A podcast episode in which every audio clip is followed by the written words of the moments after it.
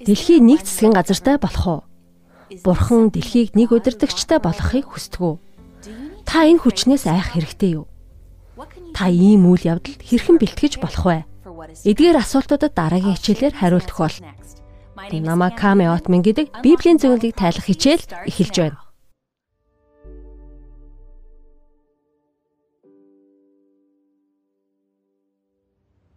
Библийн зөвнөлийг тайлах хичээл тавтаа морилно. Эдгээр хөтөлбөрүүд танд ивэл болоосоо хэмээн залбирч байна. Танд Бурхны төлөвлөгөөний талаар илүү тодорхой ойлголт байгаа байх. Та өмнөх хичээлүүдийг нөхөж үзэж болно гэдгийг санаарай. Библийн зөвнөлийн нууцуд пэйж хуудасаар ороорой. Бидний зорилго бол танд мэдээлэл өгөх, сүнслэгээр өсгөхөд туслах юм. Та бүхэнд асуулт байгаа бол Библийн онлайн багш нар та бүхэнтэй холбогдох болно. Хэрв та хүсч байвал залбирлын хүсэлтэд илгээгээрэй. Бурхан гайхалтай биш гэж үү? Өчигдөр бид араатны тэмдгээс айх хэрэггүй. Араатны тэмдгийг авч болохгүй гэдэг талаар судалсан. Бурхан хүмүүсээ ариун сүнсээрээ дамжуулан төгсгөлийн цаг үед бэлтгэж ариун сүнсээр дамжуулан бурханд дуулууртай байж тэмдгийг нь авахд тусалдаг.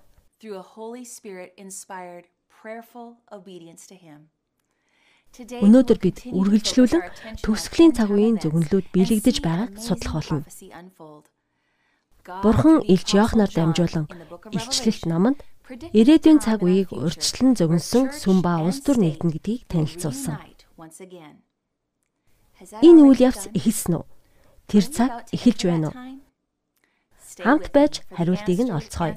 Энэ бол маш чухал асуултууд. Одоо залбираад янхан гисэн хичээлээ эхлүүлье. Тэнгэрлэг эцэг минь намайг хослооч, намайг ариун сүнсээрээ дүүргээж, үгээрээ миний уруулыг тосолж өгөөч. Таны үгийг хуваалцахад туслаач. Хичээлээ тодорхой ойлгуулахад туслаарай. Энэ үеийнхэнд болж байгаа бүхнийг ойлгуулаач. Эзэн минь надтай хамт байж надаар үгээ хэлүүлээрэй. Есүсийн ариун нэрээр залбирлаа. Амен. Танзаны пастор гişүүдийг урамшуулан Христэд итгэгчдийн радион сайн мэдээг найз нөхөд гэр бүлийнхэнтэйгээ хуваалцахыг уриалсан байна. Мама Мямби үүнд сэтгэл зүрхээрээ хандаж халаасны радиогоо авч явж эхлэв. Хаач явсан түүнтэй хамт. Мама Мямби хотод баарны хажууд ногооны талбайтай байсан бөгөөд өдөр бүр ногоондоо анхаарал хандуулдаг байв. Тэр радио асаагаад ойролцох баарны хажууд тавив. Баарны эзэн сонсож сонирхож эхлэв. Тэр сонссон зүйлээ маш их сонирхож эхэллээ. Ногооны талбайгаас сонсогдож байгаа радиог тэр өөрөө олж сонсохоор болов.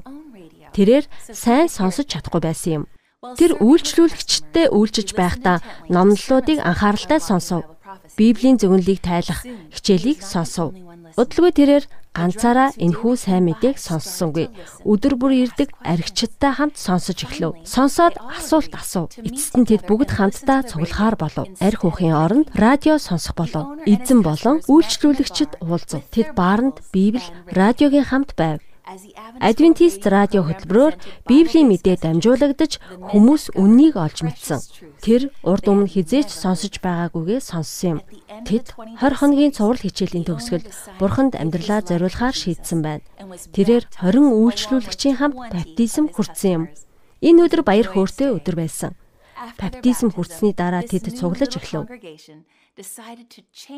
Эзэн баараа мөргөлийн газар болгосон юм. Тэд амралтын өдөр бүр цугларч магтан дуудуулж Библийг судалсан. Мама Мямби баяр хөөртэй зүрх сэтгэлээр тэдэнтэй нийлж бурхан түүгээр дамжуулан юу хийсэнд баяртай байв. Энэ бол сайн мэдээний гайхалтай гэрчлэл биш гэж үү? Ийхүү аригддаг газар бурхныг магтдаг газар болжээ. Хүмүүс үннийг сонсож Библиэд итгэсэн. Бурхныг дагах шийдвэр гаргасан хэцүү зүйл байхгүй. Илчлэлт номонд шашны хоёр систем гардаг. Энэ бол хоёр төрлийн шүтлэг. Илчлэлт бидэнд хоёр сонголтыг өгдөг. Дундын зам гэж байхгүй. Шийдвэр гаргахгүй байх боломжгүй. Дэлхийн төгсгөлийн цаг үед хүмүүс шийдвэр гаргахаас өөр аргагүй болно. Есүс хүмүүсийг цаг алдахгүй байхыг сануулдаг. Түүний уриалгыг Илчлэлт номон дээрх хоёр эмэгтэйгээр дүгнэж болох юм.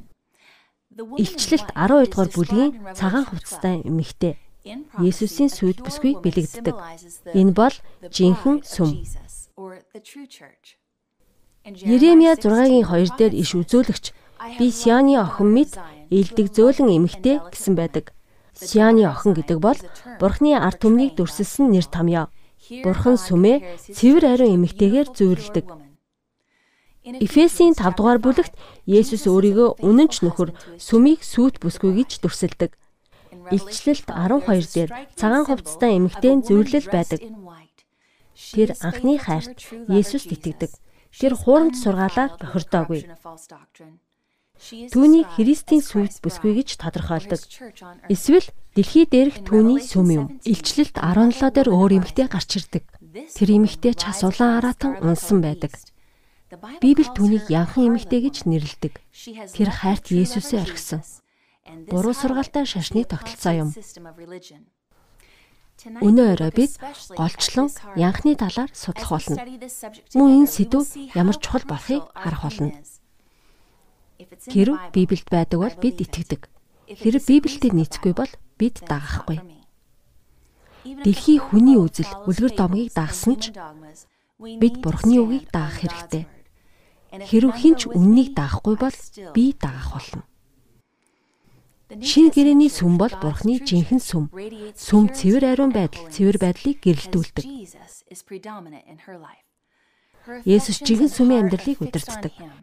Түүний хайр зүрх сэтгэл сүмийг хайрладаг. Тэр түүнийг хүнд ч алдахгүй. Сүм хизээч түүнээс ургахгүй. Тэр бол Христийн итгэлтэй сүйт бүсгүй юм. Гэхдээ энэ сайхан зураг өөрчлөгдөж өөр нэг эмэгтэй гарч ирдэг.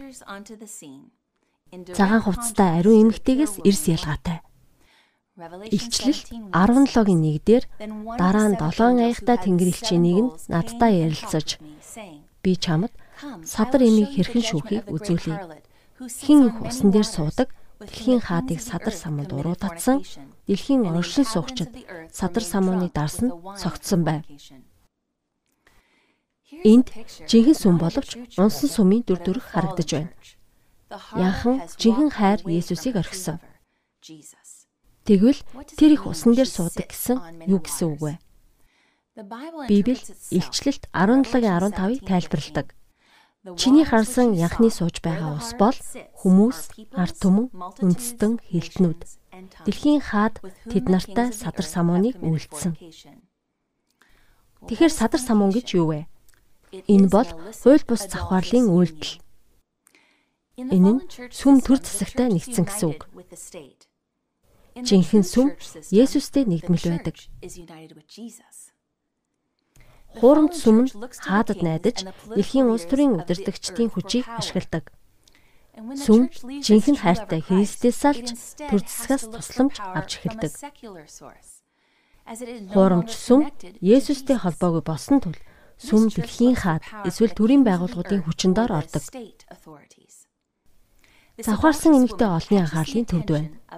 Тэр шин хайртаа хэрхэн уригдхаа мэддэг. Ягаан, час улаан, улаан хувцас, үнэт эдлэл, час улаан өнгийн араатан, хуурамч сүм улс төрийн хүчийг ашигладаг. Тэр төр засагт нөлөөлдөг. Тэд түүний хуурамч сургаалыг дэмждэг. Тэр хуурамч сургаалын дарсаа тойруулан уулгаж дэлхийн хуурамч сургаалаар малсуурч сая сая хүн Вавилоны хурам эхлтийн дарснаас уудаг. Илчлэлт 17-гийн 3. Тиймээс тэр намайг сүнсээрээ цөл рүү авч явв. Тэгээд би нэгэн эмэгтэй сууж байхыг харсан. Тэр доромжлын нэрстэй час улаан аратан дээр сууж байв. Тэр 7 толгойтой, 10 ивэртэй. Хуурамч шашны систем бол Бурхныг эсэргүүцдэг тогтолцоо. Энэ бол сатааны хуурамч сүм. Бурхан сэрэмжлүүлэг өгсөн. Тэр араатныг хаад болон хаант улсуудаар төлөөлүүлсэн. Бурхан биднийг анхаарлаа хандуулаарай гэж байна. Эдгээр араатнууд янхны өрхөнд ордог. Янхан тэдний хүчийг ашиглана. Хаадад нөлөөлж хууль тогтооно. Тэр хүслээ хэрэгжүүлж бүхнийг бузартуулна. Янхан сүм ба улс төрийн хууль бус нийтлийг бэлэгддэг. Жамисон Фасет Брауны тайлбар талын 593 дугаар хуудсанд Филиппойчууд илчлэлт хүртэл номонд Протестант зохиолчид илчлэлт 17 дээр гайхалтай мэдээлэл хийсэн. Төрба сүм бол Бурхны үнэтэй бэлэг. Утаанд оромжилж улс орнууд араатан шиг болж урвсан сүм янхан болдог гэсэн. Илчлэлт 17-гийн дөрөвдөр хуурамч сүмийн бэлэгдэл эмэгтэй ягаан час улаан өнгийн хувцастай алтаар ба өнөч чулуу сувд чимсэн байв. Энэ талаар бодож үзье. Та ягаан эсвэл улаан хувцастай шашныг мэдэх үү? Тийм ээ. Католик сүмийн кардиналууд ихэвчлэн улаан, час улаан, тахилч нар нь улаан өнгийн хувцас өмсдөг. Баасан гариг, даал модны нэм гарагт, Пентакост дахин ирэлтийн өдөр нийл ягаан оршуулгын үеэр харыг өмсдөг. Пап ламын аль биесны хувцас дэлхийн ямар ч хаанаас илүү алт үнэт эдлэлээр дүүрэн байдаг. Пап ламын титэм төсөөлшгүй их үнэтэй. Католик шашны шүтээнүүдийг маш их эрдэнсээр уралдаг алт, сувд, үнэт чулуу, гигантнүүдийн хөшөө ба дэлхийг гайхшруулсан католик сүмийн барилгууд. Одоо би нэг чухал зүйлийг хэлье. Өнөөөрөө бидний ярилцах сэдв эмзэг сэдв байх болно. Хувь хүмүүсийг буруутгах зорилгогүй. Гэхдээ зөвнөл биелж байгааг харуулж байна. Үннийг сахидаг олон хүн байгаа гэдэгт би итгэдэг. Тэд хаа сайгүй байдаг. Тэд үннийг олж хараад дагах болно. Энд иш татсан мэдээлэл зөвхөн Ромын католик шашны тогтолцоо руу хандсан тэдний олон сургаал Библийг эсэргүүцдэг.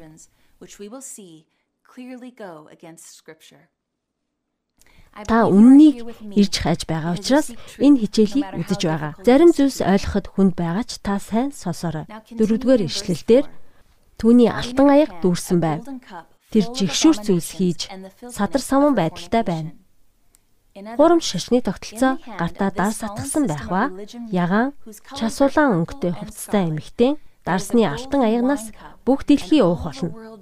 Тэд согтож мансуурна. Эмэгтэй хурамч сургаалаар дэлхийг согтооно. Илчлэл 17-гийн 5-д түүний духан дээр нэр байх бөгөөд нууц агуу Вавилон. Садар Самууны их дэлхийн жигшүр зүйлсийн тухай бичигдсэн байна. Библиэд янхан эмэгтэйг хүүхэдтэй гэж тодорхойлсон.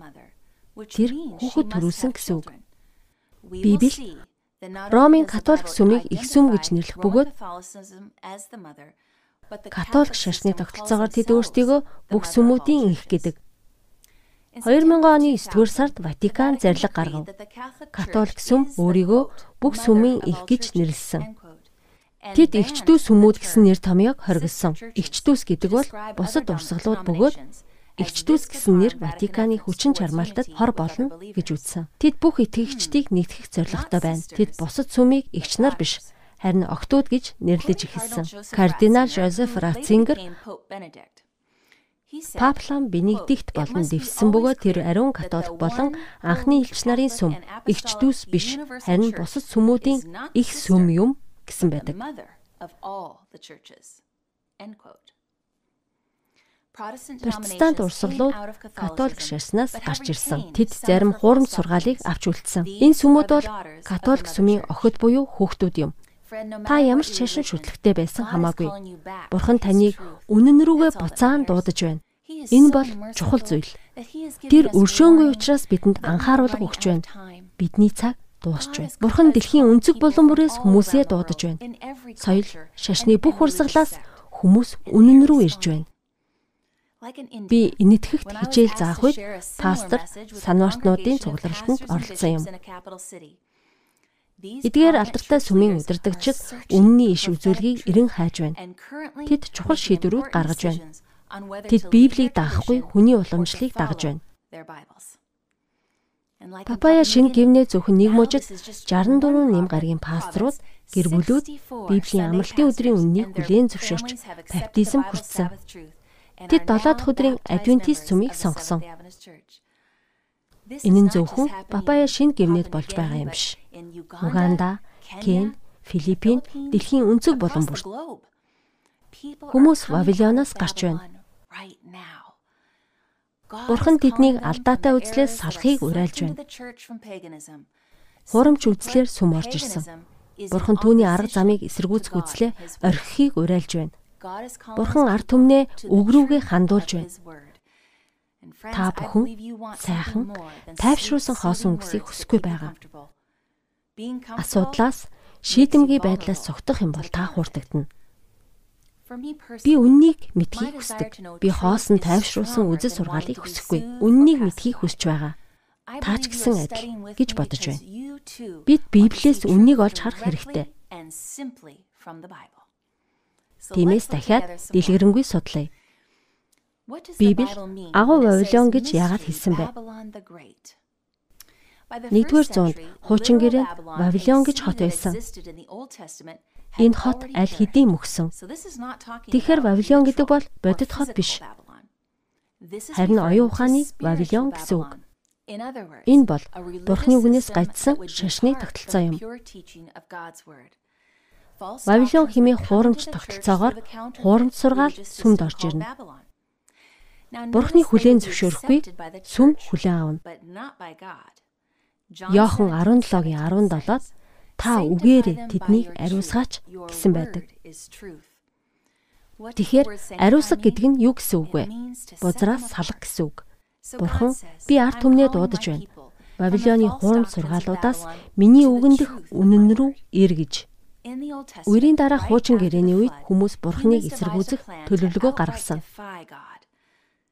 Бабилоны самхаг хэмээх том байгууламжийг барьсан. Энэ талаар Эхлэл 11:9-дэр түүний нэрийг Бабел гэдэг. Учир нь тэнд эзэн бүх дэлхийн хэлийг самруулсан юм. Хүмүүс тэнгэр багансан барилга барихдаа Бурхны амлалтыг эсэргүүцсэн юм. Тэд дэлхий хизээч дахин үерийн улмаас устдахгүй гэдэгт итгээгүй. Тэд хүний аргаар Бурхныг аргалж болно гэж бодсон. Бурхныг хинч мэхэлж чадахгүй. Бурхны үгийг хуурамч үгээр орлуулахыг хүсэх нь зүрх сэтгэлдэх бослого юм. Дэлхийн эсэргүүцлээс болж байнгын тэмцэл донд байна. Люцифер тэнгэрээс унсан цагаас эхлэн тэмцэл явагцаар байна. Люцифер буюу сатан бурхны хайрыг эсэргүүцсэн. Бурхан хүмүүсийн хөлийг самууруулж Вавилоны цамхыг нураах гайхамшигтай аргыг сэтсэн.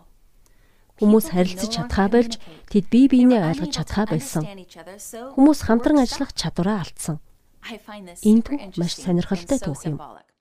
Дараа нь Вавилон хот байгуулагдсан. Вавилон цамхаг байсан газар. Вавилон гэдэг үг Бабел гэсэн үгнээс гаралтай. Бабел гэдэг нь төөрөгдөл гэсэн үг юм. Бабел гэдэг нь дуу авайл гаргана гэсэн үг. Сонсож буй хүн утгагүй дуу аваа. Тэнийг эсвэл хит их ярих, бутнах, өглөх гэдэг бол самуурлын жишээ. Нэг зүйлийг онцлоё. Энэ бол самууралтай холбоотой зүйл. Матай 6-гийн 7 дээр Есүс чухал зааврыг өгсөн. Залбирахдаа дими хоосон зүйл үгсийг бүү ашигла. Тарин унших мэт. Харин шашин шүтгчтэй адил өглөж болохгүй. Тэд их өглөх юм бол сонсогдно гэж бодож байна. Тэд олон үг хийснээр сонсно гэж бодож байна. Бусад шашинд сүм хүний санаа бодлыг тулгаж, Бурхны зааврыг өгөл тоож, эргэлзээтэй ойлгомжгүй үгсийг өглөж байна. Энэ нь хүний төөрөлдсөн үзэл юм. Тэд хүний уламжлалаар өглөж байдаг. Сүм төөрөлдөх үед Бурхны өгсөн бүх хүч чадлаа алддаг.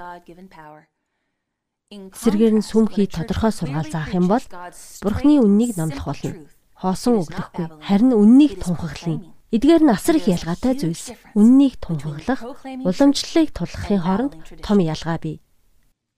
Библи Даниэл 4:30 дээр хаан энэ агуу Вавилон биш гэж үү? Би хааны ордон барьж агуу хүчрхэг сүр жавхлантай болоогүй гэж үү гэж бодсон. Энэ бол сүнслэг Вавилон. Энэ бол хүний байгуулсан шашин. Хүний сургаал дээр суурьсан хүний үзэл санаа. Хүний бүтээсэн шашин. Ухаалаг сэргэлэн шашны удирдагчаар удирдуулж сайн мэдээг хүчтэйгээр эсэргүүцдэг. Есүсийн байгуулсан жинхэнэ сүмийг ад үздэг. Есүс бидний хүний мөргөл шүтлгээс гарахыг уриалж биднийг Библи рүү буцаан чиглүүлж байна бичээсэд үнэнч байхын тулд үнэн рүү буцаж ирээрэй. Тэр биднийг үнэн үг рүүгээ дуудаж байна. Есүсийн сүм бол хүний бүтээсэн байгууллага биш. Энэ сүмийг Есүс байгуулсан. Колосой 1:18 дээр тэр бол сүм химээх биеийн толгой, сүмийн эхлэл. Тэр бүх зүйлсээс давуу билээ. Жинхэнэ сүм Есүсийг нэг тавьж түүнийг хүндэтгэн. Тэнгэр дэх Христ бол сүмийн жинхэнэ тэргүүн. Хуучин гэрээний Вавилоны хаан нь хүн байсан. Вавилон хааны үг хууль байв. Небухаднасар хаан Синти болох сүмдээ суухдаа бурхан шиг зэхэрч байв. Түүний тушаалууд бурхны дуу хоолой байв. Есүс биднийг сүнслэг Вавилоноос гар гэж дуудаж байна. Вавилон өөрийгөө бурхан гэж ярих болно. Мөхөс хүн өөрийгөө бурхан гэж хэлнэ. Сүнслэг Вавилоны удирдагч Тэнгэрийн бурхны синтигээс үгээ хэлж байна гэж бардамнах болно. Эхний шинж чанар. Сүнслэг Вавилоны гэдэг бол бурхны гэж өөрийгөө өргөмжлөх дэлхийн удирдагч. Өөрийгөө бурхнаас дээгүүр гэж өргөмжилж байгаа нэгэн бурхан болон бурхны сүм байраа эзэлсэн гэж хэлнэ. 2 дугаар Тесалоник 2-ын 4 өөрийгөө бурхан гэж харагдуулна. Израилийн бурхан Херубуудын дунд оршдог. Та бол цорын ганц бурхан.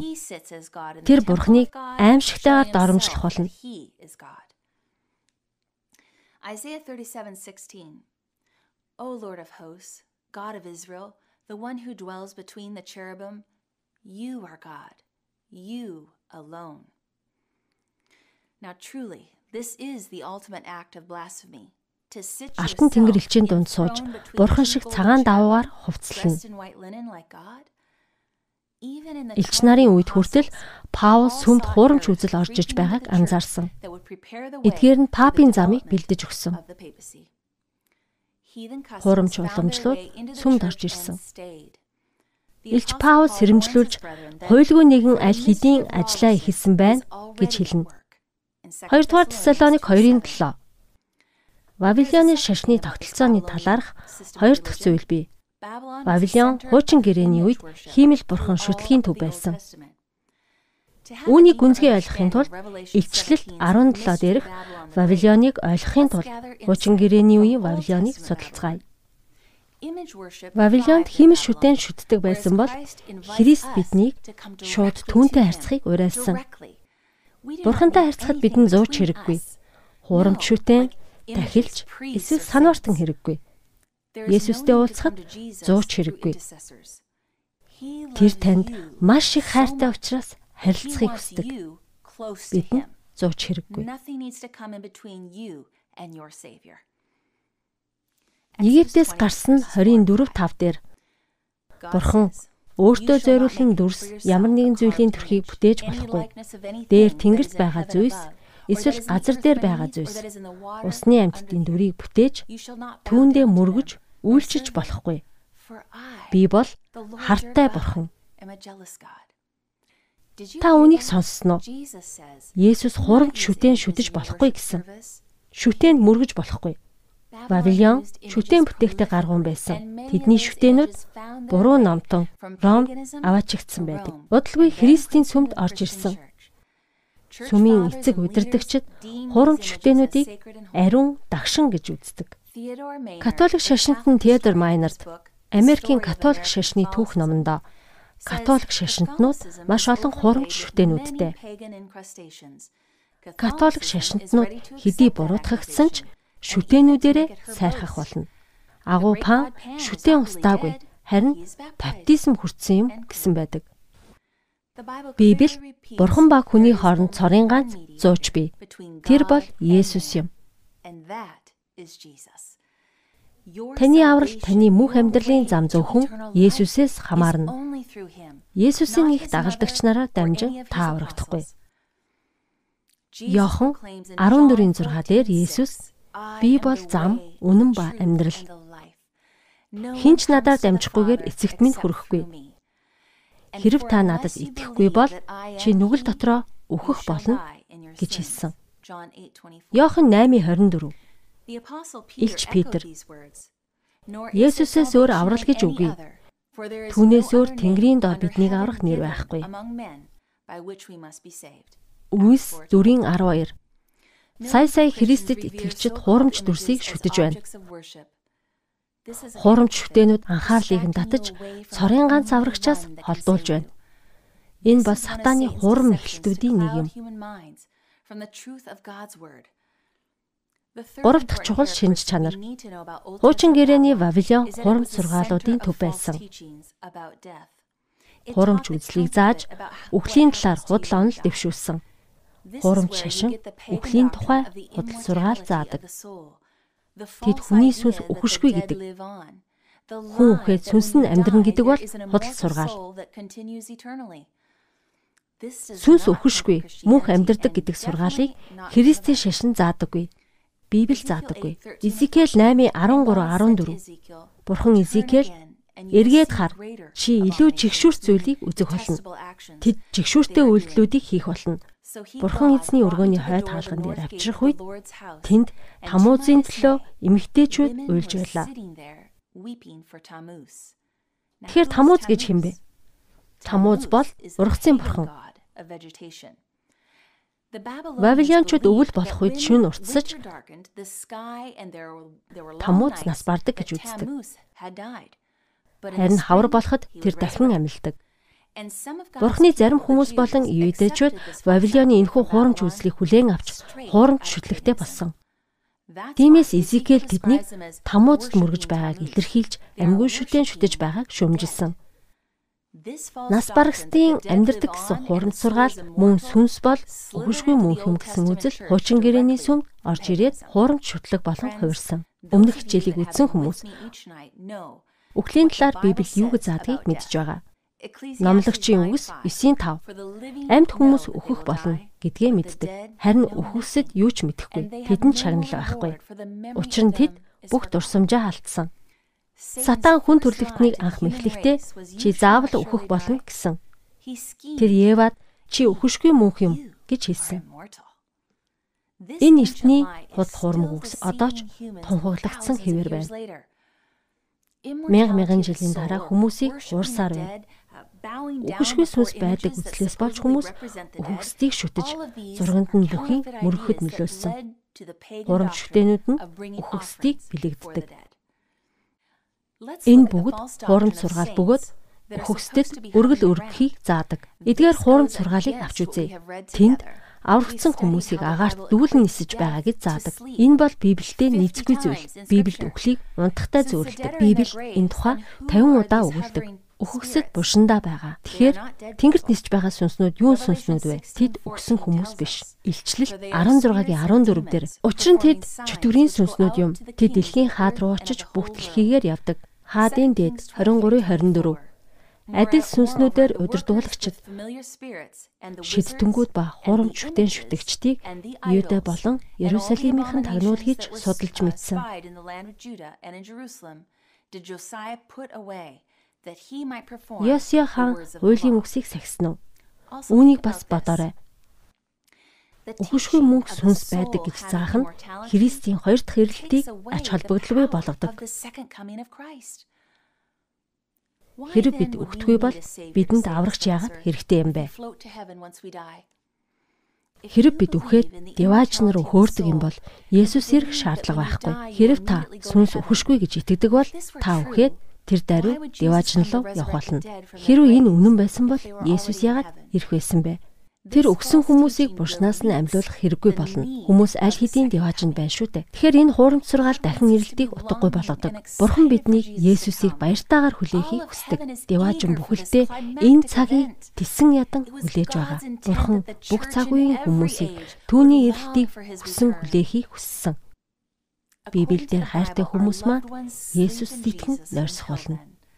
Бид тэдэнтэй хамт Есүстэй уулзахаар агаар мандалт уулзна. Тэгэхээр өнөө үед яагаад олон сүмүүд сүнслэгээр үхмэл байна вэ? Яагаад олон сүмүүдэд сүнслэг хүч дутна вэ? Тэд Христийг яаралтай ирээсэ гэж хүсэн хүлээхгүй байна. Есүс рүү хүсэн тэмүүлэхгүй байна. Библи бидний гэм нүглээс салгаж деваажин руу авч явах Бурхны хүслийг танилцуулдаг.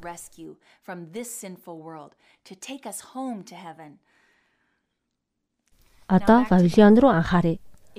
Вавилон нарны мөргөлийн төв байв. Нарны мөргөл хуурамч шүтэн шүтэх байдлаар явагддаг. Изекиэл 8:16 дээр Тэр намайг их эзний өргөөнд аваачив. Тэнд эзний сүмийн хаалга байна.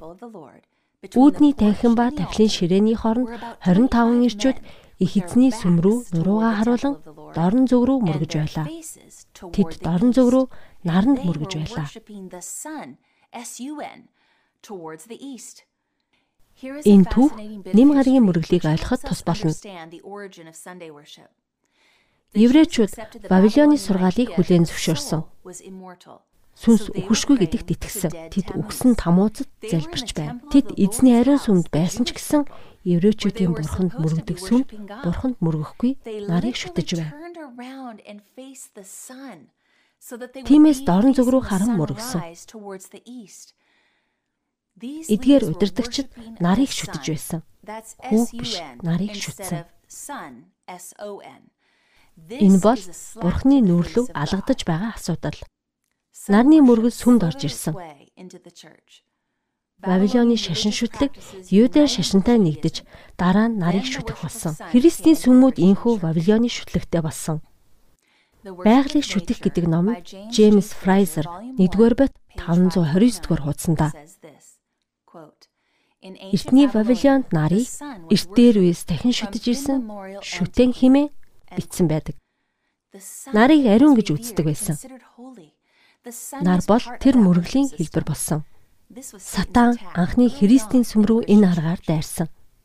Хоёр Вавилон гэсэн түүхийн номонд эмч Александра Хислоп 105 дугаар хуудсанда Хурамчлагднууд Христийн шашинд нэгдсэн дүр эсгэж Ромын бодлого хэрэгжиж Христэд итгэгчдийг удирдах хурамч шашны баяруудаа тэмдэглүүлж хурамч шашнаар Христийн шашныг орлуулсан.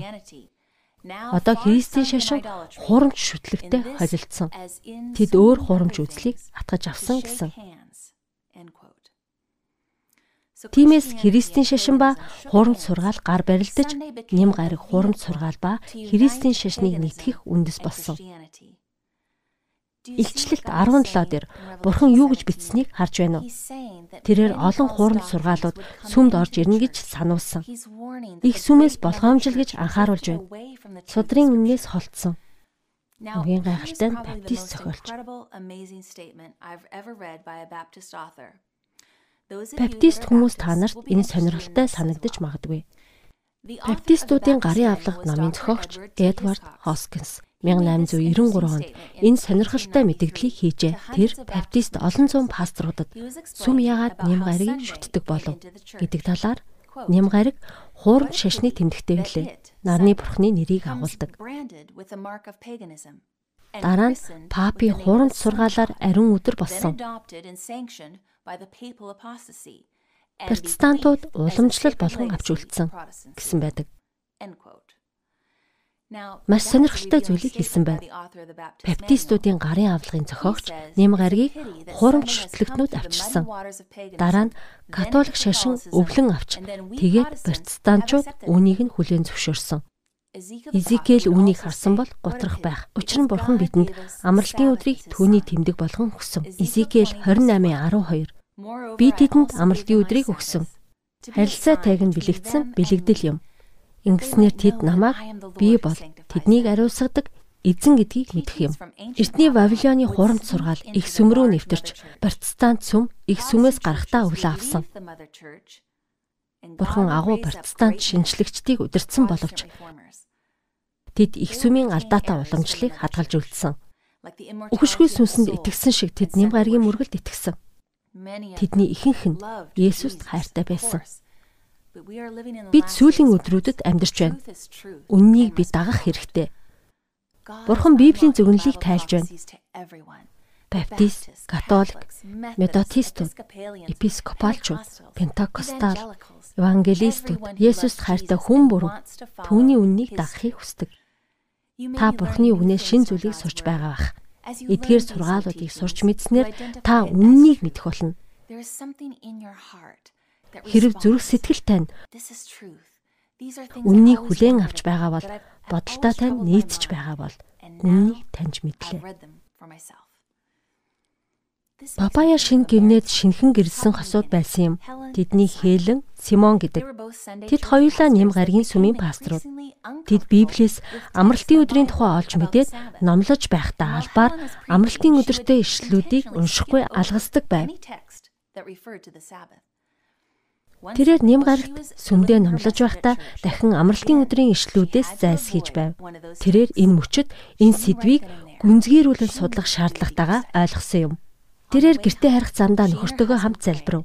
Хэрэг бурхан тэднийг үнэн лүү хөтлөх юм бол тэд түүнийг дагаж мөрдөхөр болов. Бид залбирах юм бол бурхан үргэлж хариулах болно. Бурхан тэдэнд үннээ дөрөвд хуулаараа танилцуулж тэд амралтын өдрийг хүлээн зөвшөөрөв. Одоо Хээлн Симонаар 7 дахь өдрийн адвентист сүмийн гишүүн болохоор бэлдэж байна. Тэд долоон хүүхдийн хамт үннийг хуваалцах зорилго тавьсан. Тэд байшингаа нурааж газар дээрээ сүм барихаар болсон. Гайхалтай. Изекелийн үед хүмүүс хурамч сургаалт авцсны дараа Бурхны хүмүүс Бурханаас тусламж хүсэн ойлгох үед Изекэл 22-ын 26 дээр тахилчт нь хуулийг зөрчсөн. Ариун бүхнийг бузарлсан. Тэд ариун болон ариун бусыг ялгахаа болж цэвэр бузар хоёрыг ялгахаа болсон. Тэд миний амралтын өдрүүдийг үл тоосон. Ингэснээр тэд намайг утаанд оромжилсон. Даниэл Даниэл 7-гийн 25 дээр цаг хугацаа хуулиудыг өөрчлөх хүч гарч ирнэ гэсэн. Дэлхийн ямар ч сүм Бурхны хуулийг өөрчлөх, Бурхны үгийг өөрчлөх эрхгүй. Номлогчид Библийн номлол руу орж Бурхны үннээс зурж Вавилон яхан эмэгтэйгээс зүгтэх хэрэгтэй. Вавилоны Бурхны зан чанарын талаарх хурамч сургаалаас Бурхан хүмүүсээ гаргаач химээ урайлж байна. Бурхан хурамч шүтлгийн системийг жигшдэг. Тэд бол чөтгөрүүдийн сургаал юм. Бурхан өөрийг нь эвлэхийлж байгаа хүмүүсийг хайрладаг.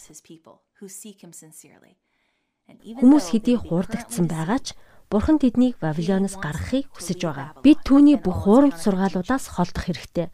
Сургаалт үгс 16-гийн 25. Хүнд зөв юм шиг санагддаг боловч эцэстээ үхэл рүү хүргэх зам гэж би. Үннийг үл тоох нь гим хийх шалтак биш. Боломж байгаа үед нь яг одоо Бурхны хүслийг мэдэж аваарай. Бурхан бидэнд үгээ өгсөн. Түүний сургаалтаа танилцсан. Тэр биднээс үннийг дагахыг шаарддаг. Хуулийн багш Есүс дээр ирээд мөнхийн амийг өвлөхийн тулд би юу хийх вэ гэж асуухад аврагч түүнийг Библи рүү чиглүүлээд хуульд юу гэж бичсэн байдаг вэ гэв. Үннийг мэдэх хүсэл хангалтгүй зүйл. Зөвийг хэрхэн үйлдэхийг мэдэх нь хангалтгүй. Пастрын юу гэж хэлхийг мэдэх нь хангалтгүй. Таны авралын асуудал яригдж байна. Та судруудыг өөрөө судлах хэрэгтэй. Библийн бүх үнэн тохируулан сатан хуурд сургаал зохиосон. Тиймээс та Библийг өөрөө судлах хэрэгтэй. Утаа үнэртээд гадаа гартал хөршийн байшин шатаж байна гэж бодъё. Та хурдан хүмүүс дуудаж Гал гарч байна. Гараарай гэж хэлэхгүй гэж юу? Run. Wouldn't you? Friend. Хэрв танаа сүмийн багш нар Бурхны 10 хуулийг заахгүй байгаа бол Бурхны хууль Бурхны зан чанарыг заах бус харин хүчгүй болсон гэж зааж байгаа бол тэр хүмүүсээс холд Библи рүү оч. Есүс шин гэрээний Иохан 14:15 дээр хэрв та нар надад хайртай бол миний хуулийг сахих гэж хэлсэн. Энэ бол шин гэрээ. Библийн багштай нэм гарагт Бурхныг шүтэх хэрэгтэй. 7 хоногийн эхний өдрийг Бурхны 7 дахь өдөр гэж зааж байгаа бол Библи рүү очоорой. Католик сүм өөрийн эрх мэдлээр Бурхны хуулийг өөрчилсөн гэж бардамдаг. Эзэн эзэн би өөрчлөгдөшгүй гэж хэлсэн. Малахи 3:6.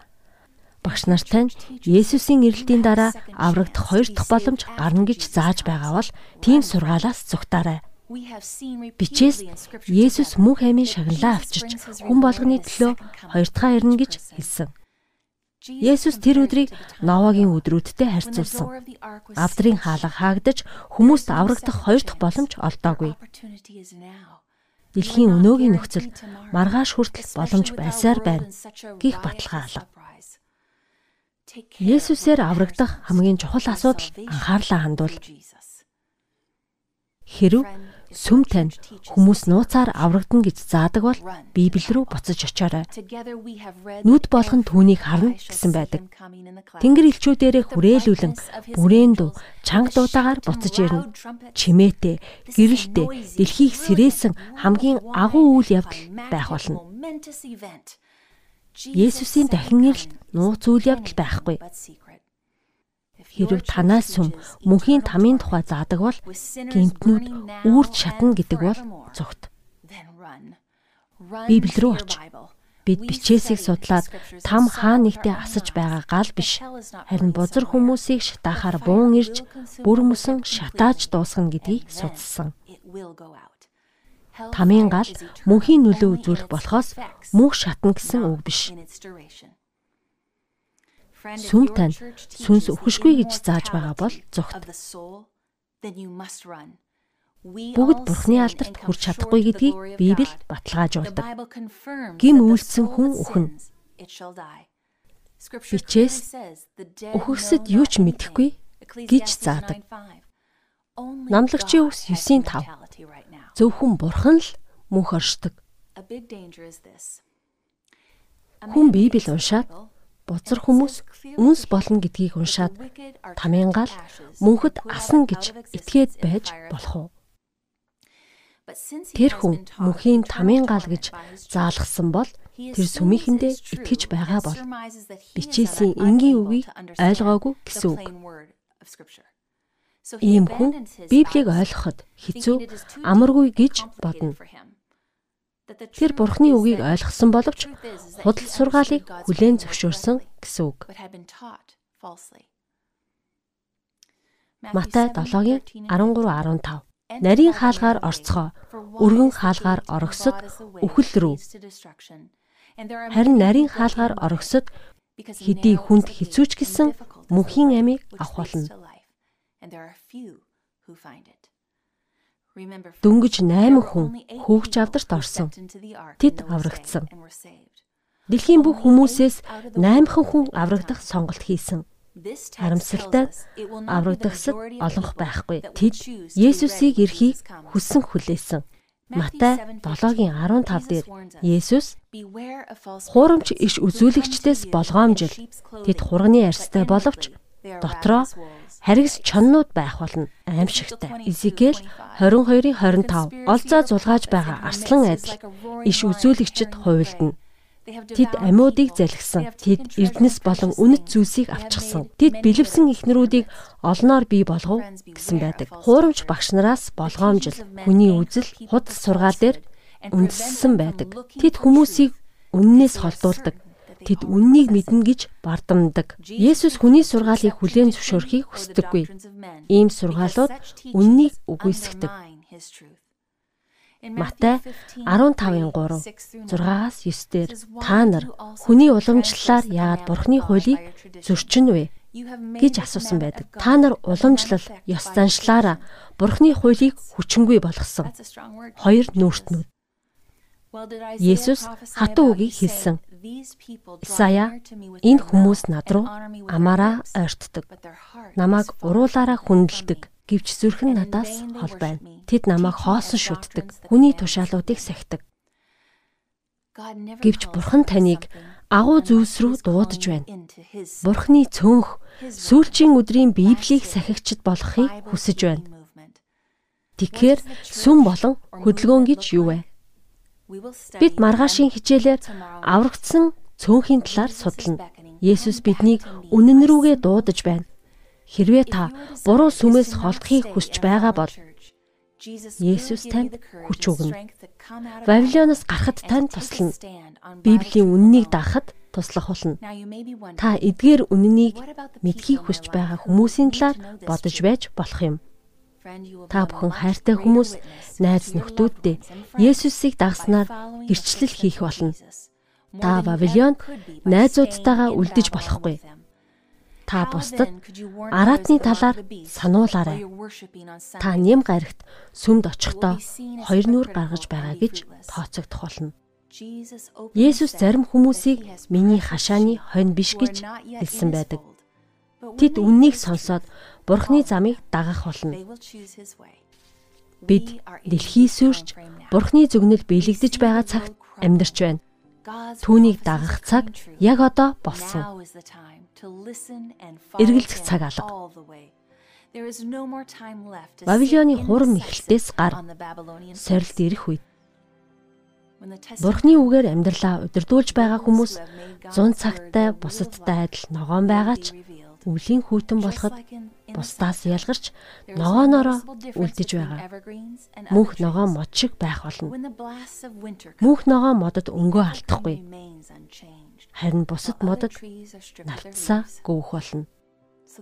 Хуурамч багш Христэд итгэгч багшаас ялгагдахгүй байж болох юм. Гэвч ялгаа нийлрэх цаг The ойрцсон байна.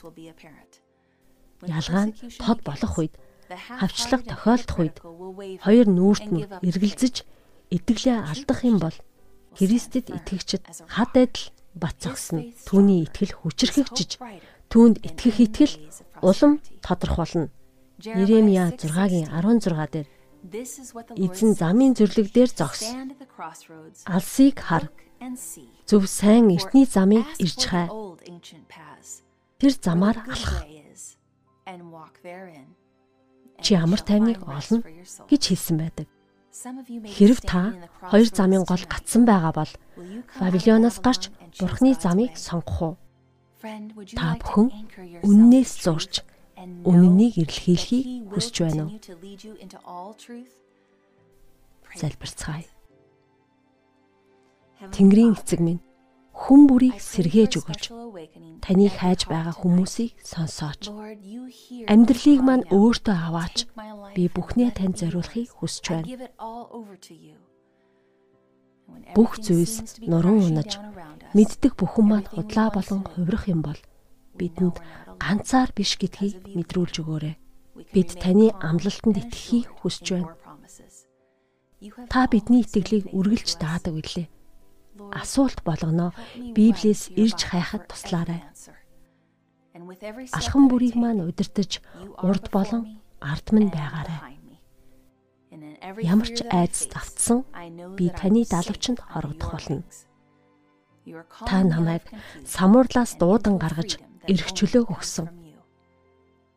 Та надад амьдралыг өгч танаас би үн цэнэ олсон. Энэ бүхнийг би зүрх сэтгэлдээ heart. Есүсийн ариун нэрээр залбирлаа. Амен.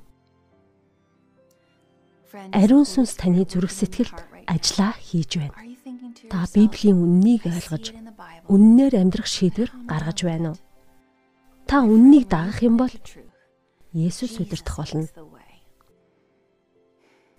Та Есүст итгэх шийдвэр гаргаж байгаа эсгээ илэрхийлж доор байгаа холбоос дээр дараарай. Библийн зөвнөлийг тайлах хичээлийг үзсэнд баярлалаа. Бурхан дэлхийн төгсгөлийн сүм ямар байна гэж His талаар маргааш судлаа. Ингэснээр бид бусад the юугаараа ялгаатай ойлгох болно. Маргаашийн сэдв бол үлдгэсэд Choose Бурхны замыг сонгоорой. Сайхан амраарай.